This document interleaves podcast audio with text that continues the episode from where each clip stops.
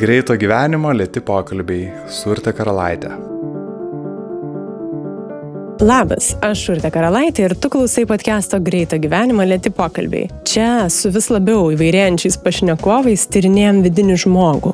Jei podcast'ą užklydai pirmą kartą, visus kitus pokalbius rasi Spotify, iTunes ir kitose programėlėse. bei karalaitė.com pasvirasis brūkšnys podcastas. Šiandienos pokalbis yra kiek kitoks. Jis nuklysta ten, kur paprastai stengiuosi nelysti, nes per mažai suprantu, dėl to būna sunku lygiavertiškai dalyvauti diskusijoje ir tęsti pokalbį. Todėl jis man tikrai buvo nelengvas. Bet klausydama jo pabaigto, negaliu atsidžiaugti visai naujom, kitokiom išvalgom ir iki šiol nepaliestais taškais. Šiandien su politikos antropologu Arvidu Grišinu žvilgtelėmi žmogų kitokiuose nei podcastui įprasta kontekstuose, svarstom, kodėl žmogus renkasi radikalias pozicijas, kaip epochų ir kartų kaita veikia visuomenės vertybinę skalę ir galiausiai ar yra žmogui tinkamas tempas gyventi. Jei ir tavo smalsumas ir noras suprasti daugiau varo tave pirmin, prisidėk prie podcast'o tau tinkamą kasmėnesinę sumą patreon.com pasvirasis brūkšnys lėti pokalbiai. Nepaslaptis, kad podcast'ui važiuoti pirmin lėšų reikia tiek tiesioginių išlaidų, tiek begalybės mano laiko, pokalbių pasirašymui, montavimui, vizualų paruošimui, aprašams, komunikacijai, PRai, viskam. Todėl tikrai būtų labai fainai, jeigu pamažu podcastas galėtų pradėti judėti savarankiškai. Ir prie to galite prisidėti ir jūs. Labai džiaugiuosi, kad podcastas jau turi daugybę draugų, kurie padeda jam judėti pirmin. Ir be galo dėkoju garso reklamos studijai Dropaudio, kuri rūpinasi pokalbių garso kokybę, ir Vilniaus universiteto radio stočiai Start FM, kurie dalinasi savo studiją ir įrangą. Tai bendruomenės kūriamas radijas, kuris transliuoja alternatyvę muziką, kultūrinės ir šviečiamasias laidas, rengia mokymų žmonėm, besidomintiems radijų. Start FM gali klausyti Vilniuje FM dažniu 94,2 arba internete adresu startfm.lt. Tai tikrai ačiū visiems, be kurių podcastas tiesiog negalėtų judėti pirmin. O pokalbį su Arvidu pradėjom dar neįsijungę mikrofonų ir kad nepamesti jo svorio, aš nebestabdžiau ir tiesiog natūraliai keliavom toliau. Keletai vietų miniu ir cituoju šviežią Arvido tekstą, kurį nurodysiu apraše, kad galėtumėt pasiskaityti ir dar plačiau tomis kryptimis pasigalvoti. Tai nebijokim kitokių minčių kampų ir gero klausimo.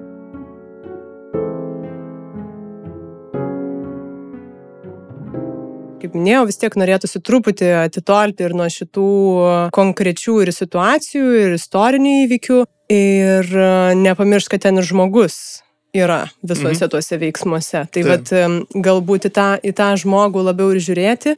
Kai aš tavęs e, paklausiau, kas pastaruoju metu tau e, įdomiausia ir galvoji sukasi, tu tu mini tą poposovietinį žmogų. Man labai mhm. patinka mm -hmm. fonetiškai šitas popopo, aš laukiu, kada bus popopopopopopo.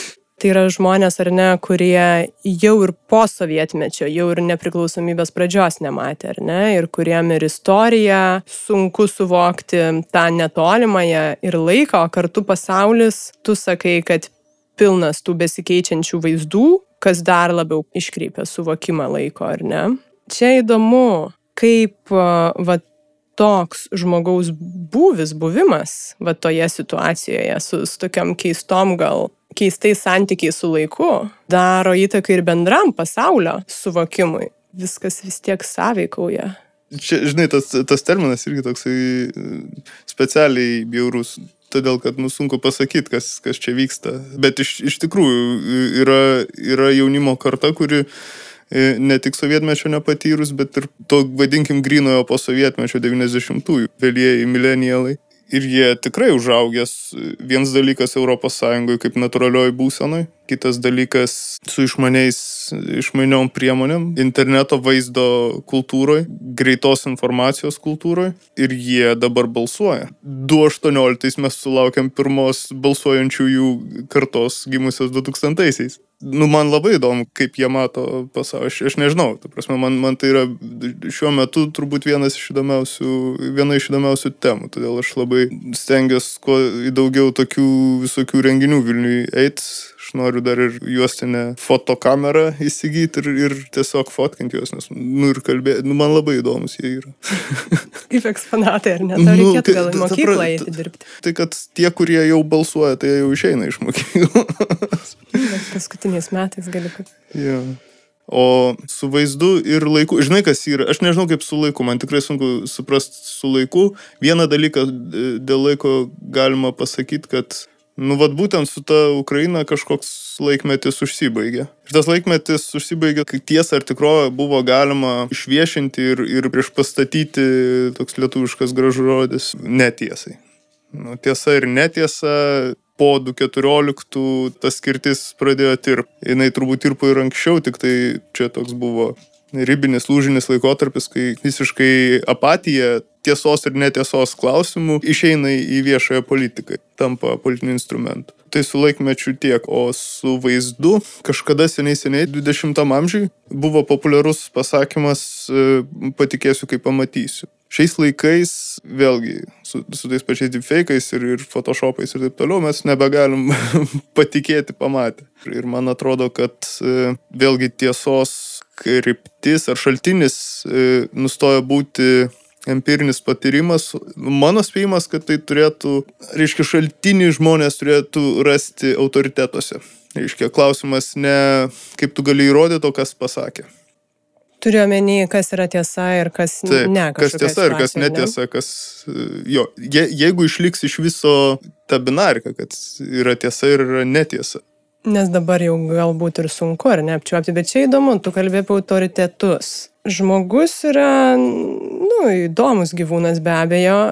Ir jisai yra toks fluid, lankstus ir besikeičiantis, ar ne? Ir vat, čia iš tiesų aš irgi, vat, ir skaitydama tavo tekstą, aš galvojau apie autoritetus ir kaip keičiasi santykis su autoritetu, kai anksčiau buvo net ir, ir prieš sovietmetį ir Lietuvoje tokie labai aišku, žinai, ar šviesuoliai, diktatūros dar kitaip, ar ne, autoritetas yra tau atneštas ir pastatytas. Kaip su jais dabar yra iš viso? Tu sakai, liktai jais reikėtų jų klausyti, jais pasitikėti. Ir nutinka taip, kad jie ir dinksta staiga arba ir nemanau, kad tai nuodėmė, kad žmogus persigalvoja, kad žmogus, nežinau, meta kažkokią ar veiklą ar politiką. Nenoriu pasakyti, kad jų reikėtų tenai klausyti. Aš manau, kad gali reikalai į tą, kryp, tą kryptim nueiti. Jeigu tu negali pasitikėti savo paties jūslėmis ir protų ar, ar gebėjimu įgyti informaciją, tu klausai to, kuo tu pasitikė. Tai aš nesakau, kad čia nu, taip turi būti ar, ar kažkaip. Tiesiog uh, taip gali būti vie- viena iš krypčių, kaip reikalai klostysis ir, nu, kaip pasakyti, autoritarinių nuotaikų mes, mes matom viso, visuose vakaruose. Demokratiškų valstybių bumas buvo po antro pasaulinio. Tai labai trumpas laikas, kai mes gyvenam demokratiškam pasaulyje. Žodžiu, viskas daug trapiau negu mums atrodo, man atrodo. Mums atrodo, man atrodo. Repo dažnai čia Taip. jo, čia. Pasaulis netoks, kaip tau atrodo, man atrodo. Čia bus intro. Nuo šiol tai bus mano džinglas. Aha, bet tu mini Maidaną, tos tiesos, netiesos tokiam galbūt e, lūžio taškui. Jeigu pažiūrėti ir, ir kitus kultūros veiksmus kažkokius, nežinau, ar mes galim labai plačiai žiūrėti, bet ir, ką tu mini, ir, ir skaitmeninė kultūra, socialinės medijos, ten fejkai. Nu, vad kas išvedė iš tų tiesų, netiesų kraštutinumo iškumų? Ar čia toks bendras rinkinys konteksto viso ko, kas vyko, vyksta? Žinoma, kad jokių būdų tai ne, neįvyko per naktį. Nuo pat, vėlgi, pokario ir, ir 22 pusės pastruktūralistinės minties ir, ir postmodernistinės kultūros e, procesai, jie tikrai suformavo visą kartą visuomenės ir, ir, ir politikų ir, ir kultūros žmonių ir aukštosiose mokyklose to laikmečio dabar jau gal nebe, bet, bet e, kažkada buvo laikoma pa, pačių progresyviausių dalykų, ką tu gali daryti. Dvėjoti tiesos tikrumu, galimybę kalbėti apie daugybę tiesų. Žodžiu, tai nėra, ta prasme, niekas neišgalvojo staiga, kad, o, tiesos nebėra jau čia. Sakau, tie 2.14 irgi yra labai saliginė ir simbolinė data man. Tai pasireiškia labai aktyviai ir kontroliuotai politikoje ir plačių mastų, ir, pat, ir tai duoda bang, kažkokią bangą visiems kitiem feikam ir teatrui politiniam, kuris, nu, tampa mainstreaminės politikos e, vos ne pagrindinių variklių. Čia galvoju iš karto apie pasitikėjimą. Pasitikėjimą tada irgi visuomeniai. Ar tai mhm. vieni kitais, ar, ar tai autoritetais, kaip ir tu sakai, jeigu mainstreaminiai politikoje kažkokių patikimų autoritetų jau galbūt sunku tam parasti, kad tavo pasitikėjimas pasauliu galbūt irgi mašta. Gal tu dar gali pasitikėti mama ir sesę, bet už tos ribos gal, gal tiek? Pasaulio netikiu, pasaką tikiu. ir mama. Nu, tai to pasitikėjimo reikia kiekvienam žingsnėje. Ar tai mhm. einu mhm. balsuoti, ar tai nupirkti turgui bulką ir mhm. ar aš iškart bijau, kad mane apsuks. Bet turi, nu, tai čia kiekvienam žingsnėje reikia, kad tu būtum atsipalaidavęs, kad tu būtum, žinai, saugioj visuomeniai. Mhm. Tai mes negyvenam kare, bet ar tas pasitikėjimo iškrypimas gali, gali irgi vykti klausimas tiesiog, kaip galima ko nors pasitikėti tokioje situacijoje. Ne? Reiškia, jeigu viskas performances ir viskas gali būti susimuliuota. Tai nėra absoliuti naujovė, man atrodo, kad, kad visada buvo kažkokia fact checkingo tokia senelė, kuri kažkiek prašlifuodavo tą visą teatrą. Jis turbūt tirpsta truputėlį, bet kartu aš manau, kad tie žmonės ir, ir tos organizacijos, kurios išlaikys, nepasiduos e, tam spaudimui to informacijos kiekio, kurį reikia pratikrinti, arba kažkaip nusekliai e, laikysi savo metodų, arba nusekliai laikysi savo principų. Tai aš, aš manau, kad jie, jos įgaus ypatingą svarbą. Dar prieš tai truputį palėtėm tą pasiklydimą ir nebeiškumą ir vertybinį. Aš tiesų savališkai gal išverčiau, nes nedrįsau angliškai mm. čia bandyti išverbalizuoti sakinį iš tavo to straipsnio, tu kur tu... Prigausiu. Ką? tu prigausiu. Oi, tai aš žinok, viską ten perskaičiau ir pasibraukiau. Aišku, 95 procentų turbūt tiesiog nesupratau, bet e, ką supratau, tai jau dabar išmokau atmintinai. Jokauju. Tai ten, aš kaip suprantu, tu ir kalbė apie tam tikrą po posovietinio žmogaus pasiklydimą ir čia jau verčiu, kad dabartiniai terpiai jam tampa sunku atskirti tikrovę nuo apsimetinėjimo, klastotės, vertybės nuo tuštybės, teisingumą nuo šarlatanizmo. Čia gal ir įdomu būtų pagalvoti, kodėl žmogus nebesusipranta vertybėse ir ar um, tos moralės normos nebeturi aiškaus dirigento, tai kas jas tuomet formuoja jeigu gerai atsimenu, kalbėjau apie posovietmečio žmogų ir, ir atsiriamant į posovietmečio patirtį, kai, kai žlunga viena vertybinė ir pasaulievokinė e, sistema. Ir tas momentas, e, kai tave užplūsta visokie nauji idėjiniai mokymai, kažkokie religiniai vos ne e, variantai, kuriuos tu gali eksplorinti savo ir pasiduoti. Ir šarlatanistiniai visokie mokymai, ir, ir piramidinės schemos, ir, ir e, svajonės, ir tai, ką tu matai per teliką, ir, ir, ir turkiškos prekes, kurios tau simbolizuoja vakarus, ir, ir, ir visokie tokie dalykai. Tikrai yra sunku atskirti, e, kas yra kas. Toje situacijoje tuo galbūt posovietinė būklė buvo hiper postmoderni, tokia ypatingai likvidi, kaip Baumanas sakytų. Čia mes su Arvidu kažkur nuklydom, po to vėl susirinkom ir pribėgom prie cinizmo temos. Ir tam tikros netiesos šių dienų hipsteriškoje kultūroje. Nežinau, kaip ten peršokom, bet peršokom, tai klausom toliau ta prasme, kad apskritai e, ta, ta hipsteriška kultūra yra giliai ciniška, tu negali giliai tikėti, nes jinai yra ironiška. Nėra pas mus Lietuvoje kanadiečių metkirčių, kurie vaikščiotų su flaneliniais marškiniais, ten jiem reiktų barzdos kažkam. Nu, ta prasme, e, visa tai yra e, žaidimas lygtai, as if tas teatras žaidžiamas visiems suprantant, kad tai teatras. Ir kartu tai yra labai rimtai svarbu ir, ir, ir, ir stilinga ir, ir siektina. Tiesiog atsimenu, apie, ką aš ten kalbėjau, apie tą cinizmą, kuris rimtai nežiūri į tiesos sakymą savo elgesiu, autentišką visuomeninę laikyseną. Tai yra dalis to postmodernaus pasaulio, kur jeigu tu esi visiškai nuoširdus ir, ir toksai principingas tai tu labai greitai atsidursi konflikte su kitais tokiais tiesiais ir principingais. Vėl visi turi daryti kompromisus, visi turi būti tolerantiški, visi turi būti truputį prislopinti savo principingumą, kad galėtų sugyventi. Ir, ir tame yra tam tikro cinizmo. Ir, ir cinizmas nepiktaja prasme, bet čia e, reikia irgi pabrėžti, kad, kad e, cinizmas yra kritika tam tikrų kultūrinių nuostatų ir visuotinės laikysenos su siekiu parodyti to neautentiškumą. Diogenas gyveno tenai bačko ir badė pirštais į miestelėnų, kaip sakant, gyvenimą, ar ten viešai šlapinosi, ar ten tuštinosi, ar ten visokius tokius viešai nepriimtinus dalykus darė, siekdamas parodyti visų tų viešų normų tokį ribotumą tam tikrą prasme netiesą. Ir jo siekis buvo gilesnė arba autentiškesnė tiesa, tarkim, taip kaip jis ją suvokė.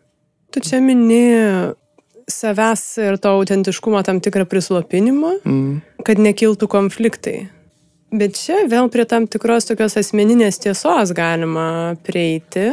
Man čia kita įdomi tema yra, žinai, diskusija ir konfliktas, kad tai yra mhm. skirtingi mm. dalykai. Net ir kalbant apie šitos autentiškus kažkokius identitetus ir visuomenėje kažkokie yra sąlyčio taškai. Ir aš norėčiau tikėti, kad ten gali būti diskusijos ir tu gali ateiti net kirčio kostiumu, nežinau, pasislėpęs po tuo poetas švelnus ir kažkoks radikalas hipis ką tu turėjai omeny gal konfliktai ir ar, kad čia yra tam tikras toks noras kovoti už savo tiesą, ko šiaip, nu va dabar žiūrint į aplinką, politiką, bet kokioje diskusijoje to yra labai daug, kad aš ateinu su savo tiesa ir aš čia iki galo kovosiu už savo tiesą. Ir kažkaip tas nevažiuoja ir nevažiuos, turbūt diskusijoje jau veikiausiai yra užprogramuotas konfliktas tam tikras. Tai, tai klausimas turbūt yra jo valdyme ir išskleidime. Ir, ir ateimas ginti savo tiesos yra vienas dalykas. Mano as, as, asmeninė tiesa yra toks problematiška savoka. Jeigu tai yra tiesa, tai yra tiesa už, už tavo ribų. Tai prasme, arba tai, tai yra nuomonė tada. Ginti savo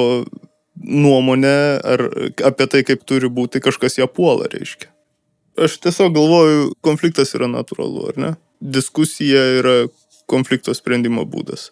Kaip tai reiškia mūsųse, nu, nudiskutuoti reikia mokėti. Man atrodo, jeigu tu poliginti savo tiesos, tiesų kažkokių, nu, ką aš vadinu nuomonėm, reiškia, tu jau esi tokioj, tokioj būsenoj, kurioje, nu, reiškia, jeigu tu ateini į pokalbį, su, su tokia laikysena, tai tu ne, nenusiteikęs diskutuot, tu nusiteikęs perrėkt, kas irgi yra būdas e, įsteigti savo, savo nuomonę. Steigimo principas yra, reiškia, ne, ne išsiaiškinimas tiesos pagrindu, bet steigimas valios pagrindu. Tai yra, aš noriu, kad mano nuomonė būtų įstatymas ir ar, ar, ar būtų pripažinta tiesa. Ir, ir tada tu eini tuo konfliktiniu keliu. Tokiu e, eksplikuotų, reiškia, iš, išreikštų konfliktiniu keliu, reiškia, tu stumdais ir, ir, ir gini ir, ir, ir tada šaukia ant kitų ir kažkaip, žodžiu, jėga bandai paimti e, pilį.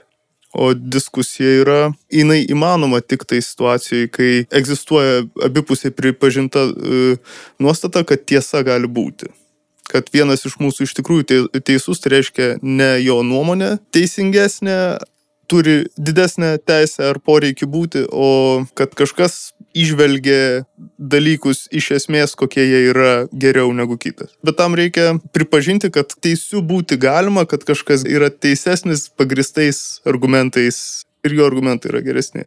Ir kitas dalykas, kad tam, kad tu tuos argumentus galėtum palyginti, tu turi juos išgirsti ir, ir įvertinti ir kito. Ir, ir, ir čia yra visiškai neprivalomas dalykas. Ta prasme, į politikoje tai, to vis mažiau, mažiau randasi. Tame galima matyti vertę, bet tai yra visiškai neprivalomas. Nu, ne, ne a priori, ta prasme, politikoje neprivalo būti diskusijos, jinai pageidautina, kad būtų. Gal pastaruoju metu irgi viešoje erdvėje atsiranda daug tų kovotojų už savo nuomonę, kaip sakei. Ir tam tikrą radikalumą. Na, ką galima ne tik visuomeniniai diskusijai pastebėti politinėse pažiūrose. Kodėl e, žmogus renkasi radikalią poziciją, kraštutinę, labai apibrieštą. Man čia tiesiog įdomu, žinai, kodėl tokią, mm. o ne galbūt paslankesnę, Ka mhm. kas čia tampa sunku. Yra laikas būti radikaliu paprastai tas laikas yra kažkokia ekstremali situacija, kai reikia tiesiog stipraus sprendimo, veikimo ir, ir, ir panašiai. Jeigu situacija yra vertinama kaip tokia kritinė situacija, žmogus ateina į politiką radikaliai nusiteikęs mes radikalus matom politinėse kultūrose ir politinėse situacijose, kur žmonės jaučiasi pagristai ir nepagristai jaučiasi puolami, skriaudžiami ir kad su jais yra nesiskaitoma arba kad jie išnyks ir, ir, ir, ir panašiai. Jeigu mes kalbam apie dešiniuosius radikalus, vienas pagrindinių jų e, teiginių yra, kad e, ar baltoji rasė nyksta, ar, ar mūsų Europą toj suvalgys, ar, žodžiu, e, tai yra egzistencinė krizė, todėl jie yra radikalūs. Klausimas, kodėl, kodėl šiais laikais e, ta situacija tapo tokia, kur radikalų daugėja, kai daug žmonių jaučiasi nesaugiai. Atsakymai turbūt yra net ir mitais e, su absoliutintų įspūdžių grįsta politinė pozicija remiasi į kažkokią tikrovę. Ir, ir, ir dažnai tai ta tikrovė yra susijusi, aišku, su, su kitais ateinančiais ir keičiančiais tvarką. Tai gali būti kitataučiai ar kitos orientacijos ar kitais idėjiniais pagrindais. Prasme, ta tikrovė egzistuoja. Šiais laikais politiniai principai, kuriais remiasi vakarų politinės santvarkos, jos keičiasi. Ir daug ką tai, tai įvairiai veikia tiek iš kairės, tiek iš dešinės. Todėl daug kas jaučiasi puolamas. Ir todėl mes e, matom daug radikalių susi, susikirtimų šiais laikais. Lietuvoje keistas tas reiškinys yra populizmas. Populizmas iš principo yra demokratijos pagrindas, ta prasme, kai tu e, įtikini didė, didžiąją dalį populius, populacijos, nu, va, tai ką tu darai yra e, gerai, teisinga, grįsta tauriais tikslais, ar, ar, ar gerais, ar naudingais tikslais.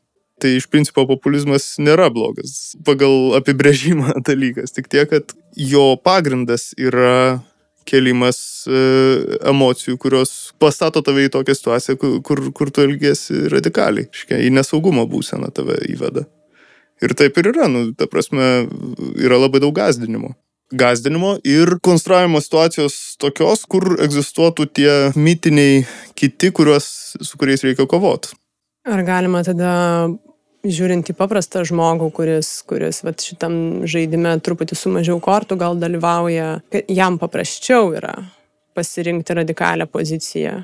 Aš nekalbu apie politikus, bet vat tos saugumo, ką tu mini, vardan, jam yra lengviau galbūt nuspręsti, kad e, imigrantai yra blogis ir aš dabar šitą poziciją pasiimu ir kovoju, nes aš noriu savo saugumą kažkaip stiprinti, apginti ir tam reikia kažkokios pozicijos.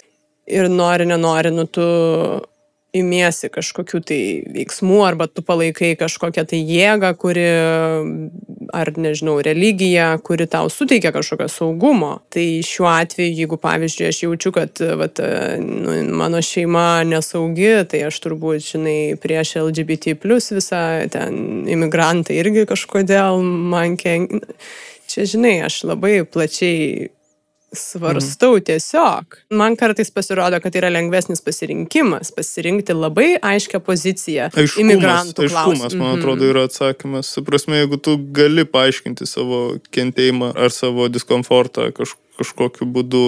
Įsivaizduok, beprasme kančia versus kančia todėl, kad kažkas skriaudžia. Gyvenimas šūdas, nes nu taip yra. Arba gyvenimo šūdas, nes va tas ta, ta, ta priežastis. Net įsivaizduotų, o gal nelabai susijusių, bet simboliškai paveikių priežasčių radimas bet kokiai gyvenimo situacijai, negatyviam išgyvenimui pagrysti.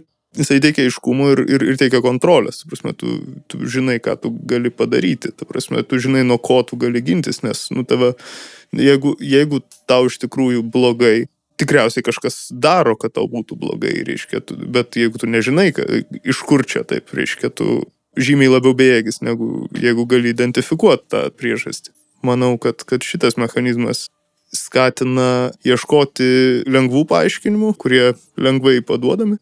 Mes apskritai esam kažkokiam laikmetį, kuris yra atrodytų pereinamasis, kažkokie tikrai rimti pokyčiai keičiasi. Aš ir bandau suvokti, kokie tie pokyčiai. Ir kitas įdomus dalykas, kad mes iš tikrųjų toj pereinamojoj būsenoj lyg tai esam nuo, nuo sovietmečio ėjimas, perėjimas, jis nesibaigia tokia, tokia besitęsianti liminali būsena, kur tu lyg ir virsti kažką, bet tas virtimas nesikeičia ir, ir, ir tada tu lyg ir priemi tai kaip, kaip natūralią būseną vos, ne, kad, kad viskas čia keičiasi, viskas griūna ir, ir, ir statosi gyvenimas toks nestabilus ir, ir, ir, ir tai buvo nuo senovės ir, ir, ir visais laikais ir čia normali laikysena. Galbūt ir tai gali paaiškinti tą tiesos kaip pažįstamos ar prieinamos ar, ar, ar atpažįstamos tikrovės e, tą griūtį, reiškia nepasitikėjimą tuo. Kai viskas keičiasi nuolatos, kai, kai visas tavo gyvenimas yra tokia virstanti mišrainė ištisai, galbūt ir nėra nieko už to, nėra nieko ir stabilaus, arba nėra nieko, ką, ką tu gali atpažinti kaip tikrovę, kaip tiesą, nes tuo tai pasikeis.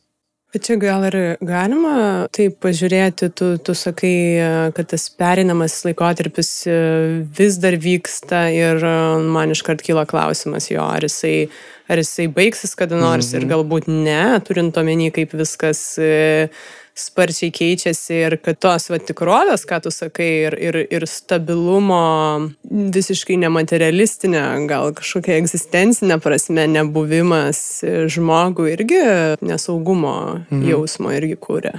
Į pirmą dalį klausimo tai neturiu aš atsakymą. Aš manau, kad tokia laikysena, tokia būsena, jinai negali tęstis, nes nuolatos keisk dirbožėmį augalui, nuolatos tenai klibink vaiką iš vietos į vietą. Aišku, jie užaugs, bet man netrodo, kad tai yra būsena palanki žmogaus būčiai radikalizmas ir yra gilumoje siekis e, apginti status quo arba apginti nebūtinai status quo, bet e, kažkokią stabilę nuostatą, kurią tu turi, kuri tau kūrė tikrumo pajūtą. Todėl il, il, ilgam laikotarpį tai neišliks. Nu, me, mes iš tikrųjų į kažką virstam. Bet kas tai bus, tai paliksiu astrologams. Gera mintis šiaip.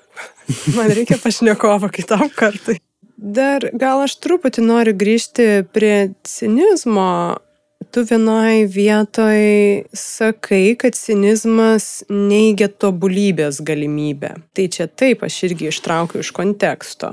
Čia įdomu, kad ir šiandien, va tame versme ir toje mišrainiai, kame mes gyvenam, šviesaus rytojaus pažado jau tikrai nėra, man atrodo, žmonės nebe tokie patiklus, norėtųsi to tikėti kas motivuoja ir skatina tada žmogų, kai suprantam, kad tobulybės nesiekiame, šviesaus rytojaus nėra. Ir ar čia prasmės klausimai kažkokie nepradeda kilti, nes tu prieš tai sakai, kad kančia atsiranda kančia dėl aiškios priežasties ir kančia dėl neaiškios. Ir mes nebeturim kančios dėl aiškios priežasties, nes karo mes nebematėm seniai, iš esmės, žinai, čia kalbu, blogio esminio irgi, bet kančia lieka. Normali žmogaus būsena. Nepakeliama būties lengvybė. aš čia užraičiau penkis klausimus į vieną. Jo, jo, jo, aš bandau. Bet man įdomu, tai kas, kas šiandien varo žmogų? Va, paradoksaliai, man atrodo, vienas dalykas tai inercija. Ir inercija būti dinamišku, reiškia žmogiškas, etra, nebūtinai žmogiškas. Tiesiog keletas idėjinių paradigmų, kurios laikomos savaime suprantamos. E, pavyzdžiui, kad e, technologinio progreso.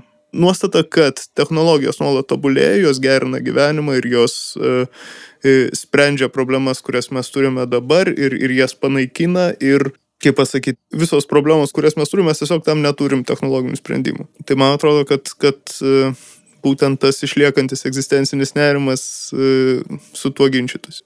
Nuostata, e, kad istorija juda viena kryptim ir, ir, ir laikas juda viena kryptim.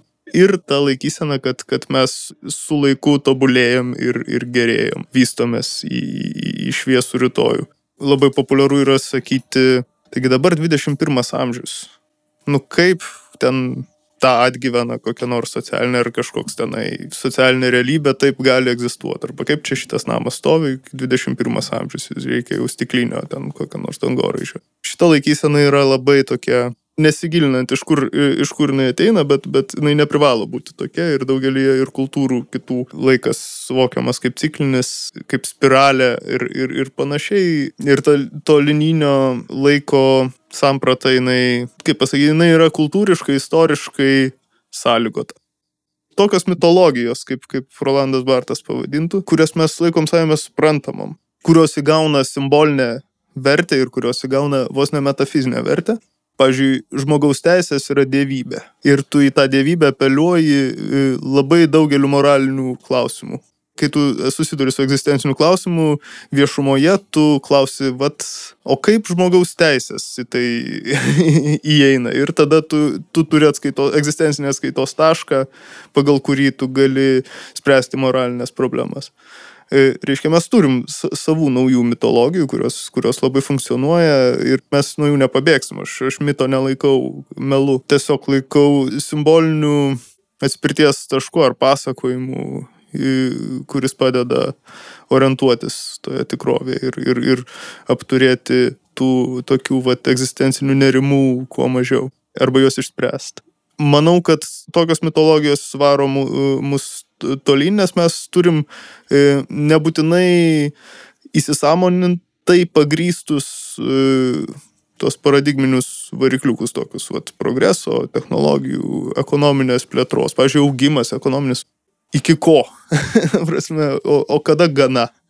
kada jau gerai, kada jau ta gerovės visuomenė, kada yra nu, saikas koks nors, ar, ar, ar jau riba jau, va, va čia dabar jau, dabar jau mes čia tikrai jau prisivystėm iki gero gyvenimo, va čia, va, čia jau mums gerai. Laikysena, kad tokie klausimai yra absurdiški, yra vienas iš tų variklių, kurie stumia judėti tolyn kur judėti tolyn, o ar negalima pastovėti čia pat, yra, yra dar vienas egzistencinis klausimas. Atsakant į tą klausimą yra tiesiog, kad, kad mes turim tam tikrų idėjų, kuriomis mes vadovaudomėsi, manom, kad, kad reikia judėti vat, tolyn, tikim, kad reikia judėti tolyn ir tai mus palaiko.